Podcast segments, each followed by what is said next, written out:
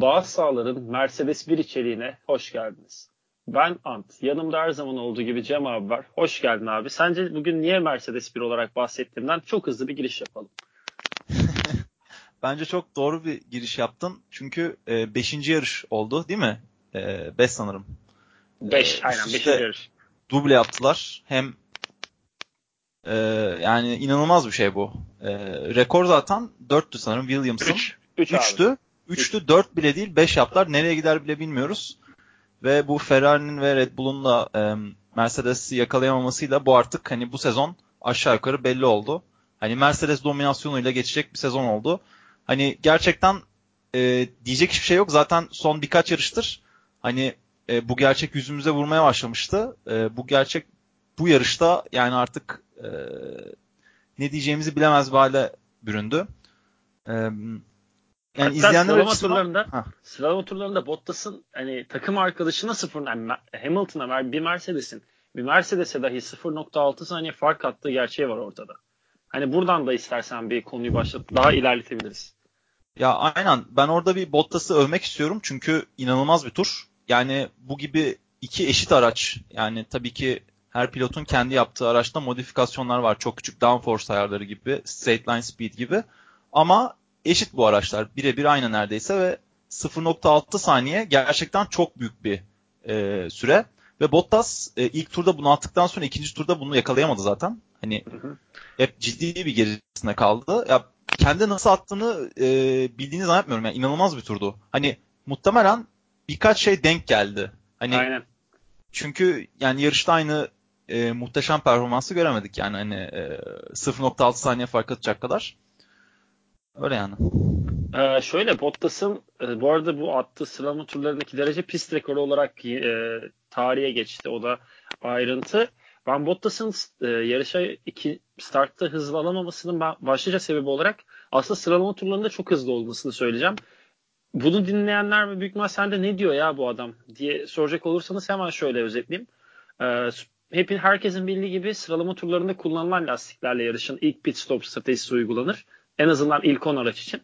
Ve Valtteri Bottas da bu durumdan muzdarip oldu. Ee, yumuşak hamurla başladı ki Mercedes'in bu hafta sonu duble yapmış olmasına rağmen en büyük sorunu e, yarışa temiz yani sıfır set yumuşak hamur lastik bırakamamasıydı ve aracın lastikleri çok hızlı bir tur atması da biraz aşındı ki İspanya çok fazla aşınma ufalanma sorunu yaşatan bir pist ve pistte bu, bu tür problemlerle başlarken ve Hamilton biraz daha yavaş kalmasına rağmen daha düzgün bir lastik de olunca da ilk virajında e, ilk viraj dedi. O 700 metrelik düzlüğün yarısına gelmeden Hamilton Bottas'ı arkasına aldı. Hatta Vettel orada hata yapmasa Bottas Vettel'in de arkasına düşecekti. Doğru. Çok doğru söylüyorsun. Hani e, ben ona dikkate almamıştım. E, ben biraz daha görünce şey diye düşünmüştüm. Bu sene geçen seneki veya son bir iki seneki rolleri değiştiler. Hani bu sefer Hamilton iyi çıkış yapıyor, Bottas yapamıyor. Hani ben yine hani bunlardan tipik bir örnek gibi düşünmüştüm. Ee, ama doğru söylüyorsun yani bu lastiği aşındırmasının da etkisi muhakkak vardır. Bu Fettel'in ilk turla alakalı olarak start düzlük e, start düzünden sonraki durumla alakalı olarak da bu e, ben şey yani ilginç buldum ve çok bir yorum da göremedim internette bu konuda. Sen ne düşünüyorsun? Şimdi Fettel lastik kitledi ya. Ondan sonra sağ, sağ önü kitledi evet. Sağ önü kitledi ve pist dışına çıktı. Evet. Orada aslında pist dışından devam edip hani kendine biraz daha avantajlı bir pozisyon yapabilirdi ama hemen piste döndü. Ve bu hemen piste dönünce Bottas onu geçti. Arkasında Leclerc'i işte ve Verstappen geliyordu. Leclerc'i işte e, önüne çıktı. Verstappen avantajlı oldu. Şimdi benim demek istediğim yani aslında orada mesela Magnussen gibi davransa veya ne bileyim hani böyle rahatça köşeyi kesebilen adamlar gibi davran davranmadı yani. Niye öyle yapmadı bilmiyorum. Ee, buradan Ege abiye de selam olsun. Şöyle bir cevap vereceğim. E, hepimiz bu, sen de ben de Formula 1 oyununu seven insanlarız. Şöyle düşün, o virajda oyunda pist dışına çıktığında, senin dediğin gibi çıktığında bize ne uyarı geliyor? Illegal overtake, pozisyonunu geri ver, bırak. Bunu yaşamak istemedi ki zaten çok ciddi bir e, lastik kitlenmesi yaşadı. O sebeple bu hem ceza alıp hem daha da yavaşlamayı göze almayacağı için aynen piste geri döndü. Çünkü o sırayı geri vermesi lazımdı ve lastiği kitleyince çok ciddi dezavantaj sağlardı bu ona. Verstappen mesela o durumda olsaydı muhtemelen devam ederdi. Hani belki e, overtake'i geri vermesi gerekirdi. E, ama yine de ben devam yani bilmiyorum. Çok görmeye alışık olmadığım bir şey. Çok kurallara uydu yani gerçekten. Hani yani, doğrusu bu muhtemelen ama. Biz o zaman buradan Ferrari'ye geçelim. Ferrari hakkında konuşulacak çok fazla şey var. Ee, Sebastian Vettel çok ciddi anlamda mental problemler yaşıyor. Bu çok belli artık pist üzerinde. Görmek için gerçekten kör olmak ya da Vettel'in ailesinin bir bireyi olmak lazım. Çünkü bu kadar başka türlü kimse kimseyi sevemez. Bu artık çok göze parmak bir hal aldı. Sebastian Vettel sadece e, hız konusunda problem yaşamıyor. Pistte artık aracı sürmeye güvenmiyor. Normal şartlar altında Charlotte'nin öne geçmesi hakkındaki o takım emri hatta milli takım emri çünkü sonra onun geri alınacağı biliniyordu. Ama yine de Ferrari'nin bu takım emrini vermesi Sebastian Vettel'in o kadar hani söylediği gibi kendimi iyi hissediyorum durumu değil. Belki izlemişsindir. Martin Brundle'la beraber e, Sky Sport e, YouTube kanalında bir video hazırladılar. Martin Brundle orada soruyor ona hani kendini nasıl hissediyorsun? Aracın hızlı mı vesaire. O kariyerimin en iyi dönemindeyim. Yani şu an insanların benim hakkında niye böyle konuştuğunu anlamakta zorlanıyorum diyor. Hatta bunun üzerine Martin Brundle bir de şöyle bir soru soruyor biraz Vettel'i tansiyonunu arttırmak için tahminen. Ee, Ferrari'de bir şampiyonluk kazanmak için Red Bull'da kazandığım birkaç şampiyonluğu feda etmek ister miydin? Vettel'in cevabı çok net. Hayır. Çünkü onları kazanmak için çok emek harcadım. O burada Ferrari'de de bu şampiyonlukları kazanacak gücüm var. Ve bunu kazanacak bir aracımız da var. Bunu göstermek için sadece sezonun devamını izleyin. Ama sezonun devamını izledikçe değil Mercedes'leri yakalamak Red Bull'un genç Hollandalısı Max Verstappen'in hatta bir nevi düşünecek olursak Red Bull e, dosyasından bir nevi e, bir halef e, bir halefinin gölgesinde kalmaya başladı. Evet. Yo çok doğru söylüyorsun. Bu hangi yarışta olmuştu? Ee, bu Martin Brundle'la olan röportajı. Yo bu Martin yarış değil. Ee, Bakü ile İspanya arasında hatta bir 6-7 gün önce belki bir hafta önce e, YouTube'da paylaşıldı. Sky Sports'un Formula 1 hesabının direkt o resmi YouTube hesabından 5 dakikalık bir video var yok. Hatta sosyal medyayı kullan, niye kullanmıyorsun ve benzeri soruları da yöneltiyor Martin Brown. Onu merak ediyorum aslında. ben onun linkini e, gönderirim sana yayından sonra. Ha, okey. Olur.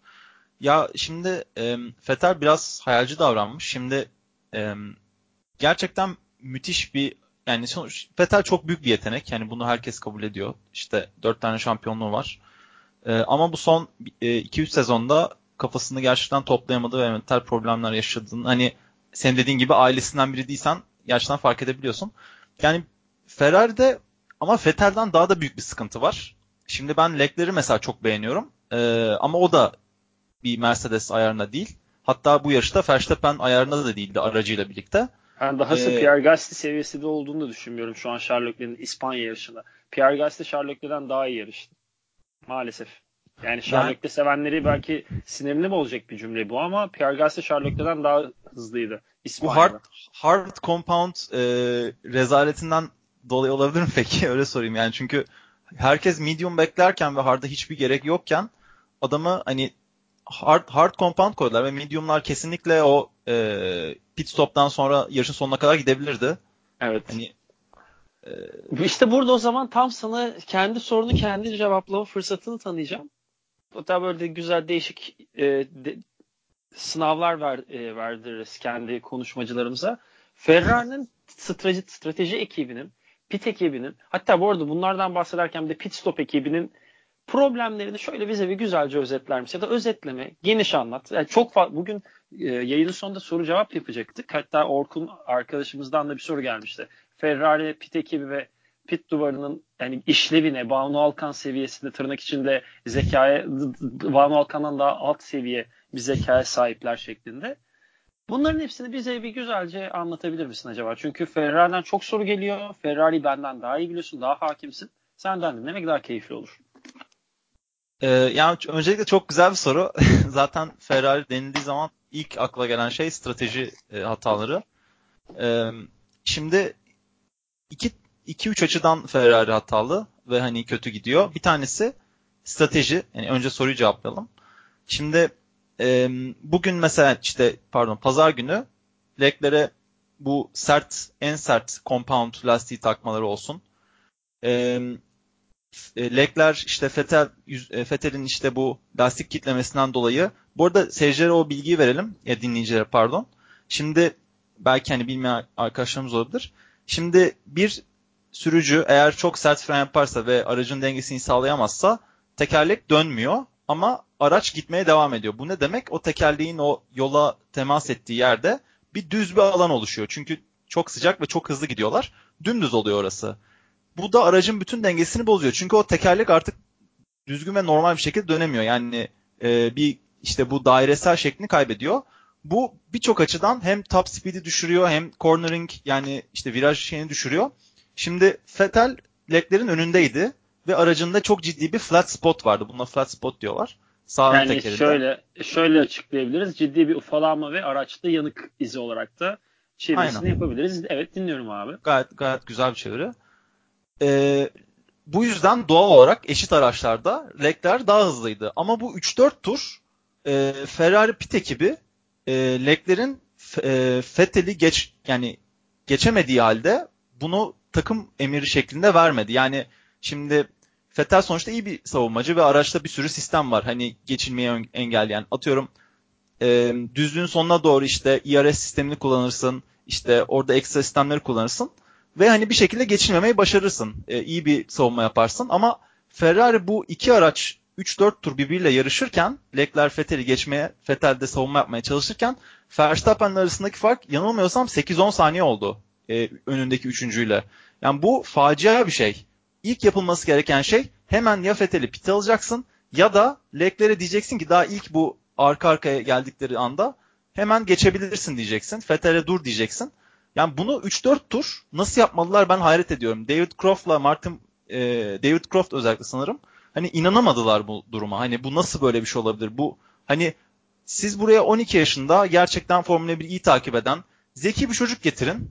O da aynı şeyi söyleyecek. Bu iki araç niye böyle yapıyor? Yani bu akıl tutulması. Burada yani çok daha büyük bir sorun var. Bunu göremiyor olmaları ben inanamıyorum. Aynı şey yarışın sonun sonlarında da oldu.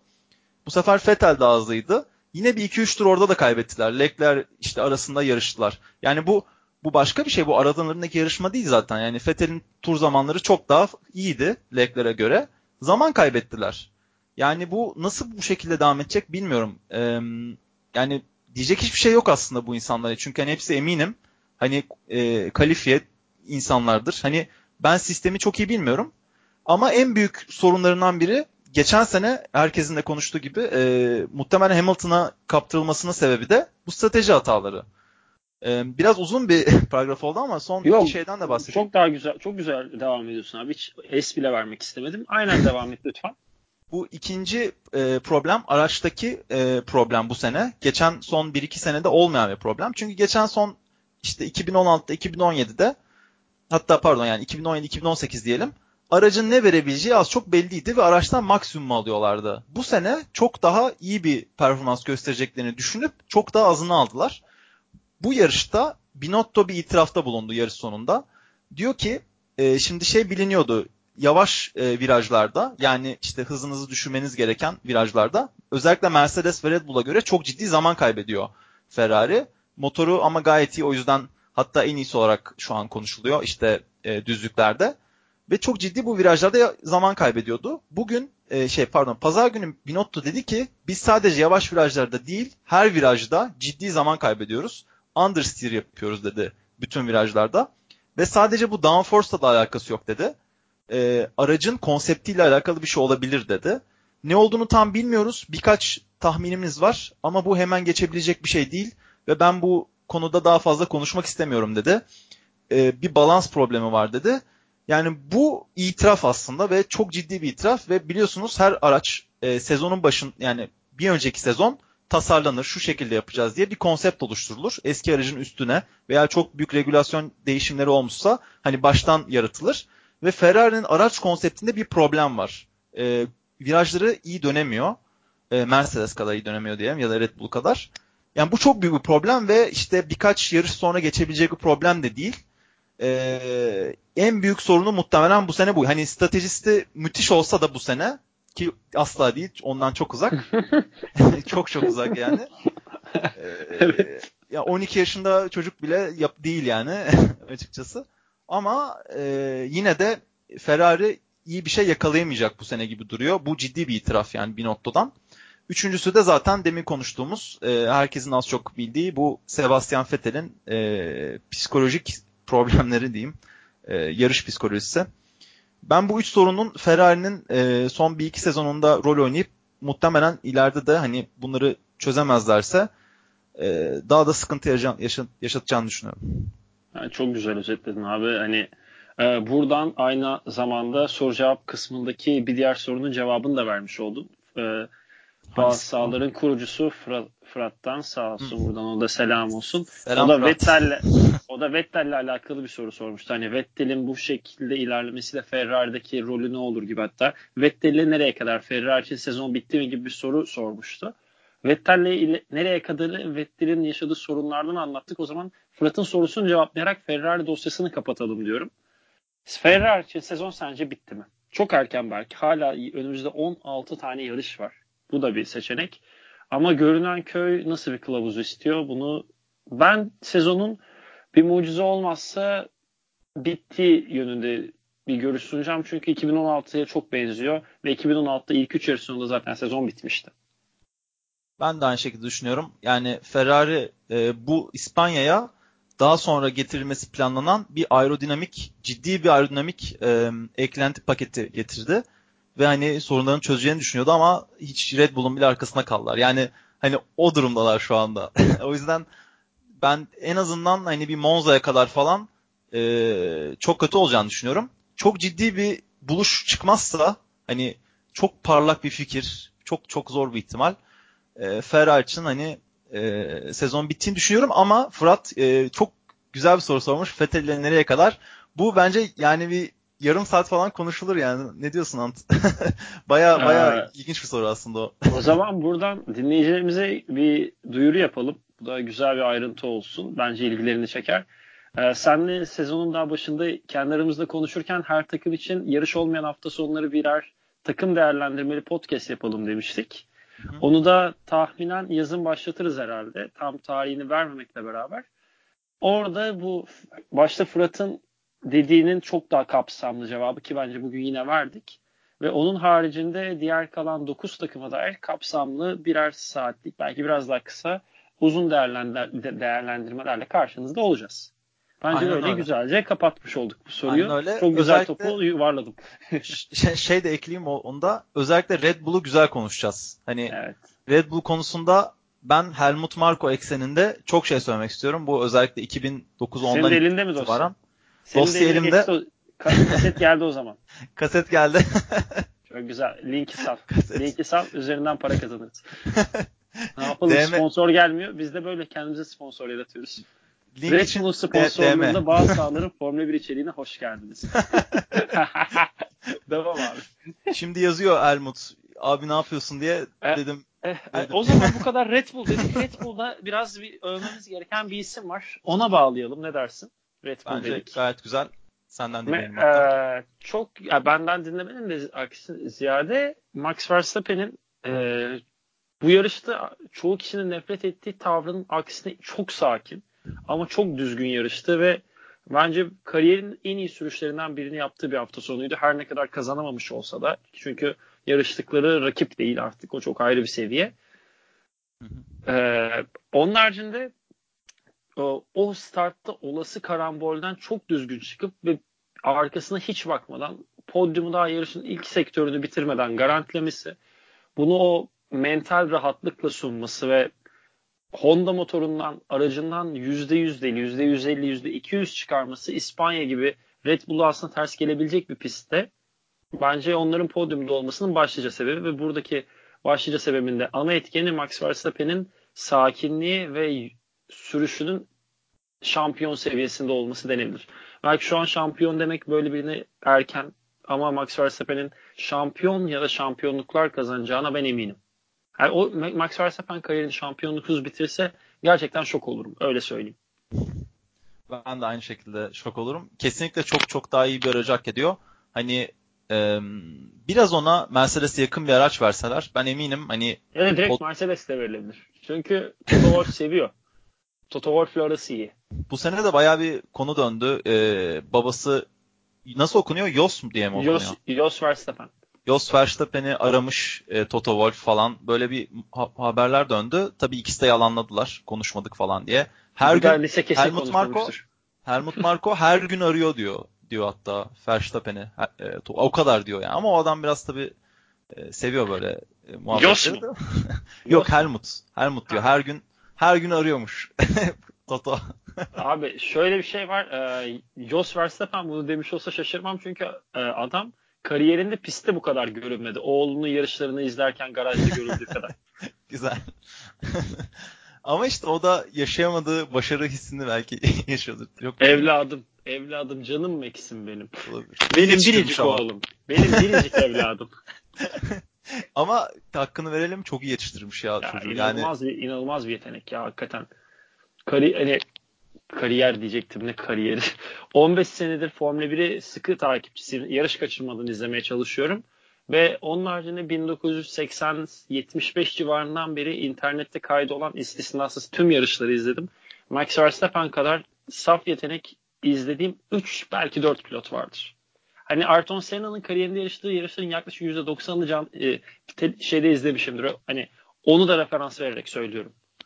ama biri de Senna zaten. Bir, biri Senna, biri Alain Prost.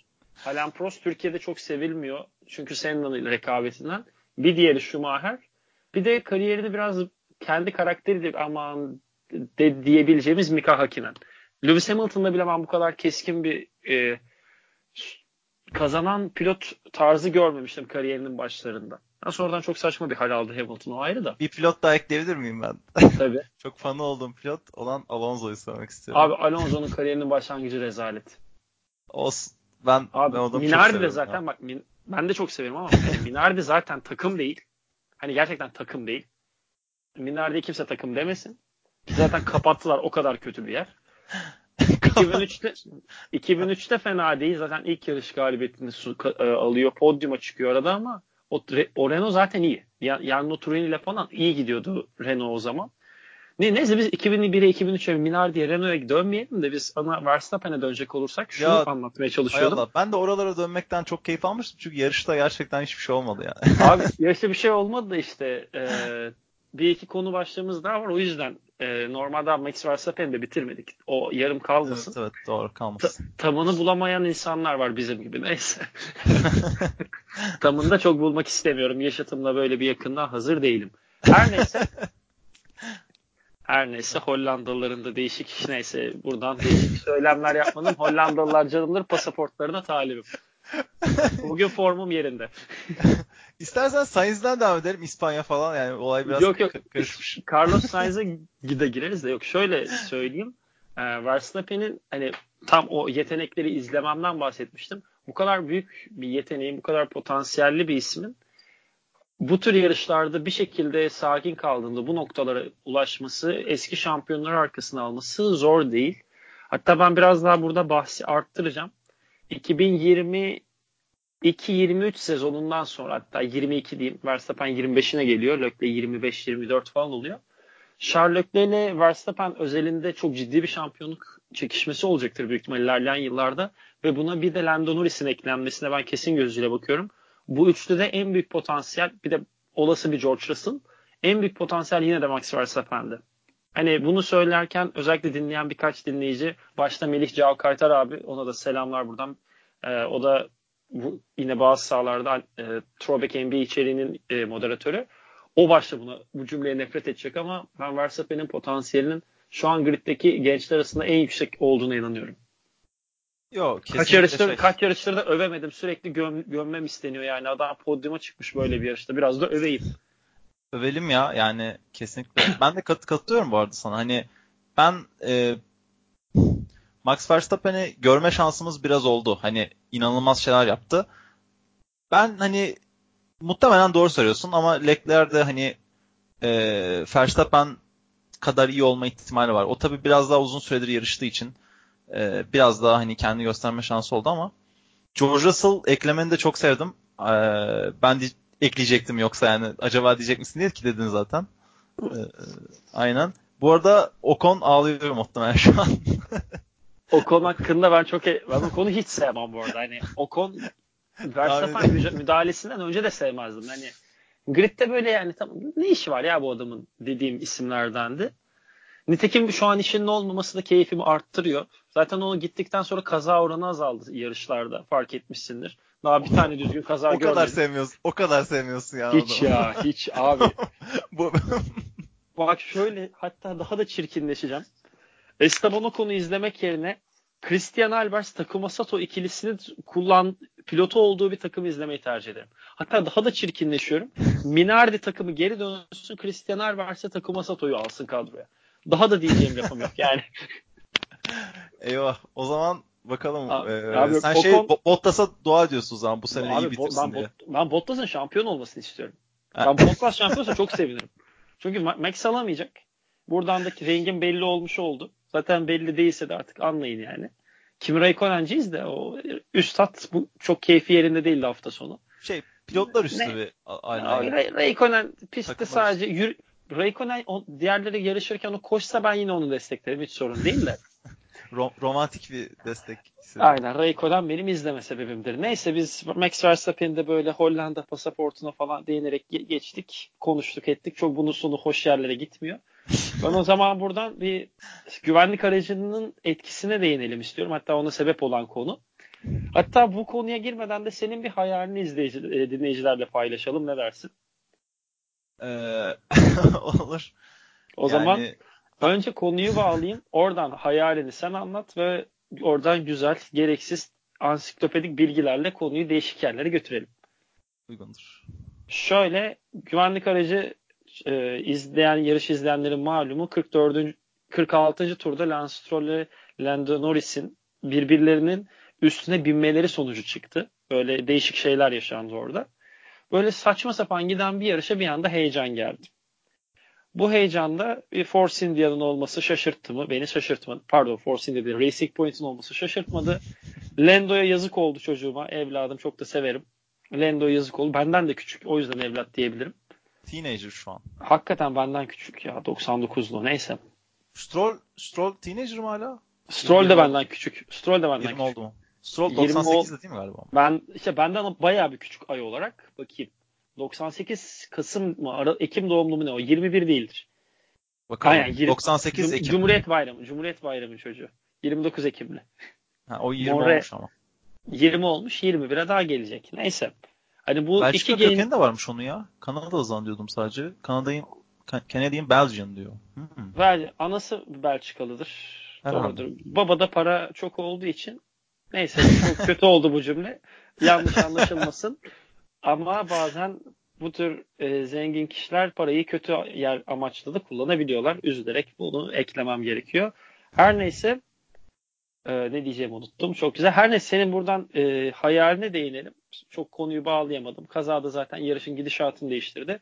Hikaye, senin hayalinden sonra değişen hikayedeki hasların birbirlerini sürtüşmeleriyle devam edeceğiz zaten. Ee, şey, öncelikle şey söyleyeyim. Ben yani bu kazandığım bir racing incident olduğunu düşünüyorum. Ee, ama yine de hani eğer birini suçlayayım desem e, tabii Lando Norris'i çok hani seviyorum McLaren'ciyim falan ama hani şey bir gözle bakarsam tarafsız. Hani Stroll orada biraz fazla pist dışına itmeye çalışmış adamı. Hani o biraz girmiş zaten. Ee, biraz Martin Brundle Lando Norris suçlar gibi oldu yarışta. Biraz o sebep oldu gibi gösterdi ama ben çok öyle düşünmüyorum. Yani bunu Alonso'nun ünlü bir sözüyle e, hatırlatalım. E, ne diyordu? E, bu Nico Rosberg'le bir hatırlıyorsundur. E, Olayı hatırlıyorum, sözü hatırlamıyorum. aynen. He has to give it a space. All the time he has to give it a space. Hani kendi aksan da, aksan da çok iyi. Aksan Kendi- muazzam. daha yapsam yaparım da o kadar yapmadım şimdi. E, Yapsana bir. Bir yapsana. Zaten yarışta çok bir şey sunmadı. Yarıştan sonra- bugün- yarıştan bugün- sonra biz de şeyden sonra şu an. Skype'dan sonra şey yaparım Yok, yok, ben. yap ya, yap, Yayından yap. sonra Yok lütfen yap. Lütfen çünkü yarış hakikaten çok bir şey sunmadı bize. Dinleyiciler biraz eğlensin. Az önce Hollanda pasaportunu nasıl almayı düşündüğümden bahsettim. Daha çirkinleşemem yani burada All the time he has to give it a space. Öyle. Onu at- aslında en iyi benden daha daha iyi Sebastian Vettel yaptı. Sonraki the- e, Aa, basın evet, toplantısında. hatırlıyorum. Aynen. Hatta müthiş yaptı. Herkes çok gülmüştü. Bütün basın ekibi falan. Harikaydı. Bir de şey var ya Novak Djokovic'in ona soru soran bir İtalyan basın basın mensubunun aksanını aynen taklit etmesi. O da geldi aklıma. Avustralya açıkta yapıyordu bu yıl. Neyse devam abi. O zaman bakayım. yani yarışta şey vermen gerekiyor. Hani buradan da aslında şeyden de bahsedebilirim hazır konusu gelmişken. Bu Haas'ların kazasından Grosjean'la Max Süper. Süper. Oraya geçelim.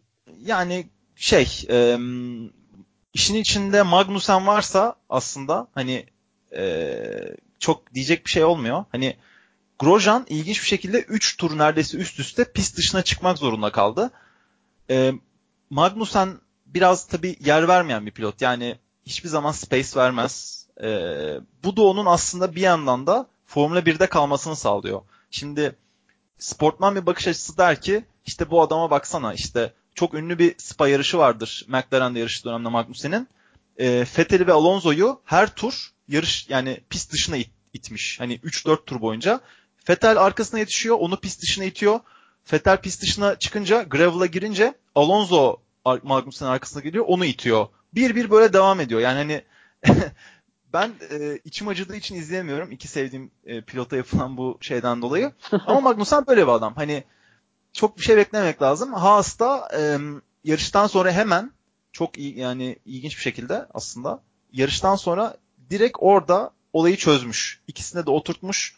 Bu e, neydi takım Steiner Christian galiba. Günther. Şey Günther Christian ya. Christian Horner'e gitti kafam. Günther Steiner. Aynen Steiner e, el sıkıştırmış. Demiş ki problem çıkarmıyorsunuz. Böyle bir şey yok. İyisiniz.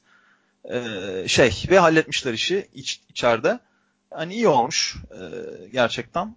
E, ama ben yine de hani Magnussen'in e, yarış stilini çok doğru bulmadığımı tekrar söyleyeyim. Stroll da bence hani yer vermesi gerekiyor. Stroll gibi. Kesinlikle öyle. Kesinlikle has konusuna girmişken ona devam edeyim. Yarışın sonunda o zaten barıştılar ama bir telsiz konuşması var. Şu hissi yaşadım. Böyle ilkokulda öğretmen, öğretmenin ya da hocan anneni ya şöyle bir şey var ödevini yapmazsın arka arkaya 4-5 ders. atıyorum Ant yarın annen okula gelsin. Gerçekten kendimi öyle hissettim. Kevin Magnussen'e yapılanı duyunca. E, çünkü şöyle deniyor. Kevin Günter yarış sonu seni direkt yanına bekliyor. Kimseyle konuşmadan direkt onunla, onun yanına gideceksin. Yani bende bu his oluştu. Bu cümleyi duyunca. ben o cümleyi duymamıştım ama gerçekten o hissi oluşturan bir şey. Hakikaten. Abi, direkt öyle demişlerse.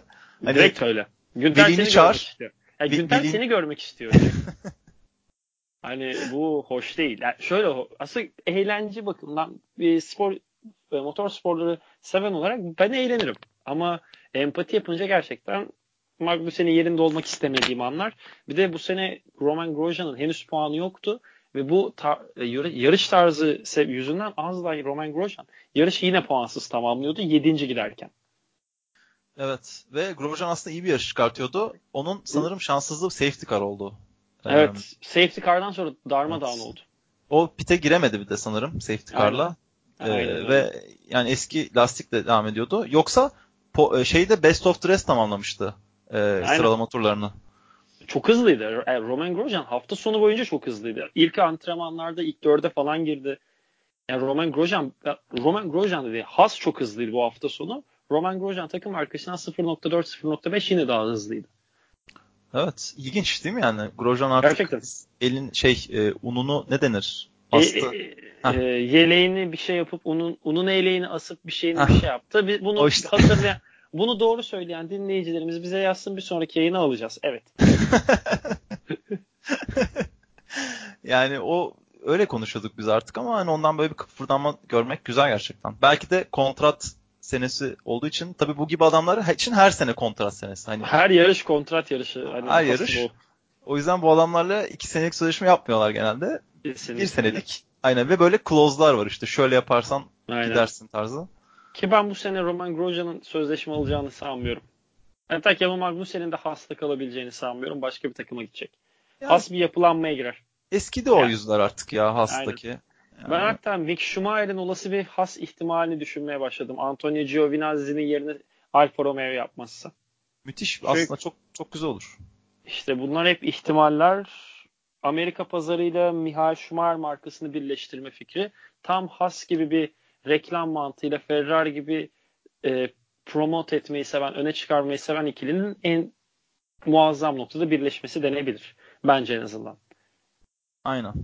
Aynen öyle. Ee, bu tabi regülasyon değişiklikleriyle belki kısıtlama getirirler. Hani bu büyük takımlardan parça kopyalama olayına. Hı hı. Hani belki herkes eşit olur. Belki de bunu şey yaparlar. Çünkü biz bunu konuşmuştuk hatırlamıyorum. Renault özellikle çok ciddi şekilde şikayetçi bundan. McLaren de şikayetçi. Çünkü bu iki takım çok büyük paralar harcıyorlar. Yıllardır emek veriyorlar ve bir şey olmuyor tabii. Ama emek Yetenek. ve para gidiyor yani. Hani Haas hiç bunları yapmadı. Hiç bunları yapmaya gerek yok. Ben Ferrari'nin para vereyim Ferrari'ye. İşte işte motorunu kullanayım, şey yapayım. Şasisini Aynen. kullanayım.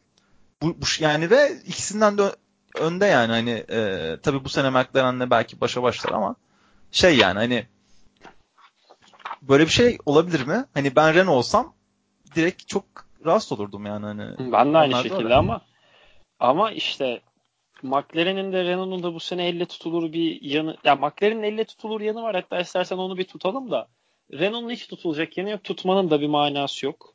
Hatta Aynen McLaren ve McLaren'in para harcaması ile ilgili bir küçük alıntı vereceğim hemen onu bulmaya çalışıyorum. Ha. E, F1 Racing'in e, bakayım kaçıncı hangi ay bu? Ha bu ayki sayısı. Mayıs sayısında Damian Smith'in çok güzel bir yazısı var. Orada McLaren'in tarihini yap, hazırladıkları 6 aylık bir dosya vardı. Bu ay sonuncusu yazıldı. E, Renault ile bağlantıyı hemen oradan şey yapacağım. McLaren eğer Fernando Alonso'ya 40 milyar 40 40 milyon euro gibi maaş ödemektense o ma, e, maaşı yatırıma araca yatırım yapıp orta, genç potansiyelli birini alsalardı şu an McLaren podyumda olurdu. Alonso da kariyerine devam ederdi dedi. Ben bunun aynısının Renault için de geçerli olduğunu düşünüyorum. Ricardo'ya ödedikleri o maaş Renault'un düşmesine ve Ricardo'nun erken emekliliğine sebep olacak bence. Güzelmiş. Evet. Um, Zach Brown'a sorulunca Alonso'ya niye bu kadar veriyorsunuz diye süperstarları takımda tutmak için süperstar maaşı vermemiz gerekiyor demişti. Evet. İşte Renault bu problemi yaşayacak. Ama bazen Renault'unki çok saçma ya. Yani Alonso'ya verirsin de adama 27 milyon euro vermek Ricardo'ya nedir yani? Ben hani ya çok bilemiyorum yani. Hani sen bir araç yaparsın. Araç zaten garanti podyum görür. Sen orada Ocon yerine Ricardo koyup birinciliğe hedeflersin üçüncülük yerine. Hani ben anlarım o zaman. Ama zaten sen 15. mi olacaksın, 16. mı olacaksın belli değil yani bu ne kadar nasıl bir sokağa atılan paradır ya. İşte ya Renault 4 yarıştır konuştuğumuz için bugün konuşmayacağım ama yani Renault gerçekten kanser bir takım ya. Geçen son iki yılda izlediğimiz McLaren'i bu kadar hatırlatan bir takım ki McLaren'in biraz daha geliştiği bir dönemde ki McLaren'e de şöyle küçük bir değinelim. Carlos Sainz özelinden. Carlos Sainz e, memleketindeki puan alma serisini devam ettirdi. Yanlış hatırlamıyorsam 5 sene 5. senesi üst üste puan aldı. 8. olarak 4 puanı McLaren'e getirdi ki bu 4 puan takımlar şampiyonasında ortalı sıraların gerçekten kan gövdeye götürür noktasındayken çok ciddi bir avantaj sağlayacak. Hatta hemen de puan durumunu vereyim. Şu an McLaren 22 puanla dördüncü. O 4 puanı olmasa 18 puanla dördüncü olacaktı. Racing Point arasında sadece 1 puan olacaktı. Ama o 4 puanla fark yine 5. Ki çok fazla puanın dönmediği gerçeğini de düşünecek olursak her bir puan çok değerli. Aynen öyle. Ee, ve şöyle de bir istatistik vardı. Sainz bu yarış dahil e, hiçbir yarışında e, İspanya GP yarışında da Katalonya GP de diyebiliriz. E, takım arkadaşından geçilmemiş. Yani takım evet. arkadaşından daha kötü sırada bitirmemiş. E, bu yarışta da zaten Lando Norris e, DNF olmasaydı bile öyle bitirecekti. E, sırf onun için gelen ve McLaren e, fan ürünleri olan taraftarlar gördüm ben. E, Abi, bir tribün komple 55 yazıyordu. Aynen. Ya. Aynen. Çok tabii ki şey. Yani e, çok tatlı bir şey. O ayrı yani. Fernando evet. Alonso yok bir de. Alonso sonrası ilk yarıştı bir de orada. Yani bunlar da unutulmaması gereken bir noktaydı. Ee, bakıyorum benim bir eklemem şu an yok. Sende var mı bu arada? Yani benim konuşalım dediğim konular bitti çünkü. Efsane yarış kısmına geçmeden seni bir dinleyeyim. Şey var sadece ekstradan hani hakkını teslim etmemiz gereken bir adam daha var. Hani ne kadar gömüyoruz ediyoruz. Kivya bu yarış Aa, iyi sürdü. Doğru. Aa, hani doğru, hem doğru. sıralama turlarında hem de yarışta ee, yani hani şey bir potansiyeli olduğunu hissettiriyor yani. Ama tabii mental olarak ne kadar iyi bilmiyoruz. Yani bir sonrakinde e, iki Ferrari'yi falan altına alabilir yani. Biraz patlamaya hazır bomba gibi ama bu yarışta de çıkabilir. Onlar Ferrari'lerin altına da girebilir. Yani onların altına girerek yarış dışında bırakabilir. Her Döner oradan Red Bull'a çarpıp McLaren'i de indirebilir. Yani Mercedes'i de vurabilir. Şey gibi olabilir. Ee, bir tane Avustralya GP miydi? Felipe Massa'nın Kanada mıydı? Hatırlıyor musun? Felipe Massa'nın hiçbir şey yapmazken Arkadan ee, biri gömçürüyordu. Aynen. Çok uzaktan biri aynen pist dışına çıkıp Felipe Massa'yı yarış dışı bırakıyordu. 2017. 2017. Kanada mıydı Avustralya? Kanada, şey. Kanada. Kanada değil mi? Aynen. Avustralya'da da yarış dışı kalıyor bu arada 2015'te. 2014'te pardon. Ya o şekilde 2014'te. yarış dışı kalmak çok acı ya bence. Hani böyle evet. hiçbir şey yapmıyorsun. Çevren de iyi yani. Hani iyi sürüyorsun ama yarış dışı. İşte. Kivia'dan işte, bekliyoruz. Belki Kivia her şeyi yapabilir ama bu hafta sonu iyiydi. Üst e, Torpido Başkanı da buradan tebrik ediyoruz. Sa- sağ olsun, var olsun. İnsanları ölüm tehditleri yaşatmasın böyle kaza yaparak. Çünkü gerçekten Aynen. onun yarıştığı pistlerde can riski var. Aynen. Güvenilir biri değil. Gerçekten Aynen. aynı pistte olmak istemem. Aynen. Doğru. Aynen. Bir de tabii hmm, ben can güvenliği deyince aklıma direkt şey geliyor ya. Geçen seneki Gazli ile Magnusson arasındaki Bakü hadisesi geliyor. Gazli Magnussen. Gazli Aynen. farklı olmasın. İki hayır, hayır o değil. O da çok kötüydü de ee, şey Magnussen Gazli'yi sıkıştırdı ya bu uzun düzlüğün ortalarından sonuna doğru. Ee, ve Gazli işte yarış sonunda bu adamı işte atmak lazım falan diye açıklama Abi Magnussen yapmıştır. Ben bu arada geçiciden hatırlayamadım. Bakacağım yayından sonra. Ama Magnussen'den bahsediyorsak o yapmıştır. Hatta ben Formula 1'in Instagram'ına böyle bir şey yazmıştım. Bu adamı banlayın falan diye. Bayağı tartışma dönmüştü onun altından. Benim de hoşuma gitmişti. İlk kez bir yorumum değer gördü. yürüdü, tweet yürüdü, tweet yürüdü. Promote Danimarkalılar bana hakaret ediyordu. Sen ne anlarsın bu işten falan. Ama neyse ki Ege geldi biliyor musun? Ege galiba. Ege orada bana laf atan adamlara laf atmıştı. of. işte Türk'ün gücü her yerde. Aa, ben bu arada dediğim gibi olayı hatırlayamadım. Şu an hatta bir yandan e, sesi sıfırlamış bir şekilde o kazayı bulmaya çalışıyorum. Ama o öyle evet doğru. Yapmıştır. Magnussen'den bahsediyoruz. Bu, yarış, bu yarışı da Grosjean'ı yaptı aynısını. Aynen öyle. Ama oradaki işte çok büyük bir sıkıntıydı. Çünkü çok hızlılar ya orada. En uzun evet. düzlük orada. Doğru. Ee, yani hani şey ölebilirdi Gezdi orada. Ben hala söylüyorum yani. Bunu hani hafife alıyor insanlar. Gerçi ölebilirdi. Doğru. Yani yaşanmasın tabii böyle şeyler. Yani 2014'te yakın bir zamanda bu acıyı yaşadık. Hiç hoş bir şey değil. Neyse. Aynen öyle. Evet. Bir tadımız kaçtı. Neyse. O zaman biz ne yapıyorduk şimdi? Ha efsane yarış kısmı. Yayından önce hangisinden konuşacağımı zaten sana söylemiştim.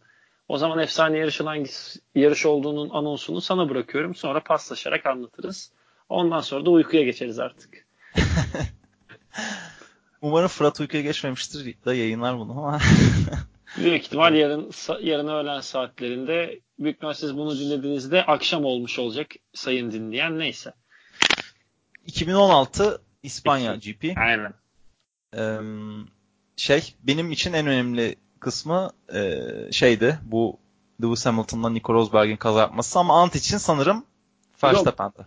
Aslında ya Verstappen olayı şey de Verstappen'i o zaman o kadar desteklemiyordum çünkü da adamı ilk kez izliyorduk da benim için de en büyük olay e, hem Mercedeslerin birbirini biçmesi olmuştu. O konuda ilginç bir şey söyleyeceğim. Ben o zamanlar feci şekilde Nico Rosberg'i tutuyordum. Çünkü e, ben böyle underdogları falan yani belki bir gelenektir bu. Yani bir sürü insan da öyle seviyorum underdogları desteklemeyi. İşte daha çok mesela Vettel'le Weber yarışırken de Weber'i destekliyordum gibi.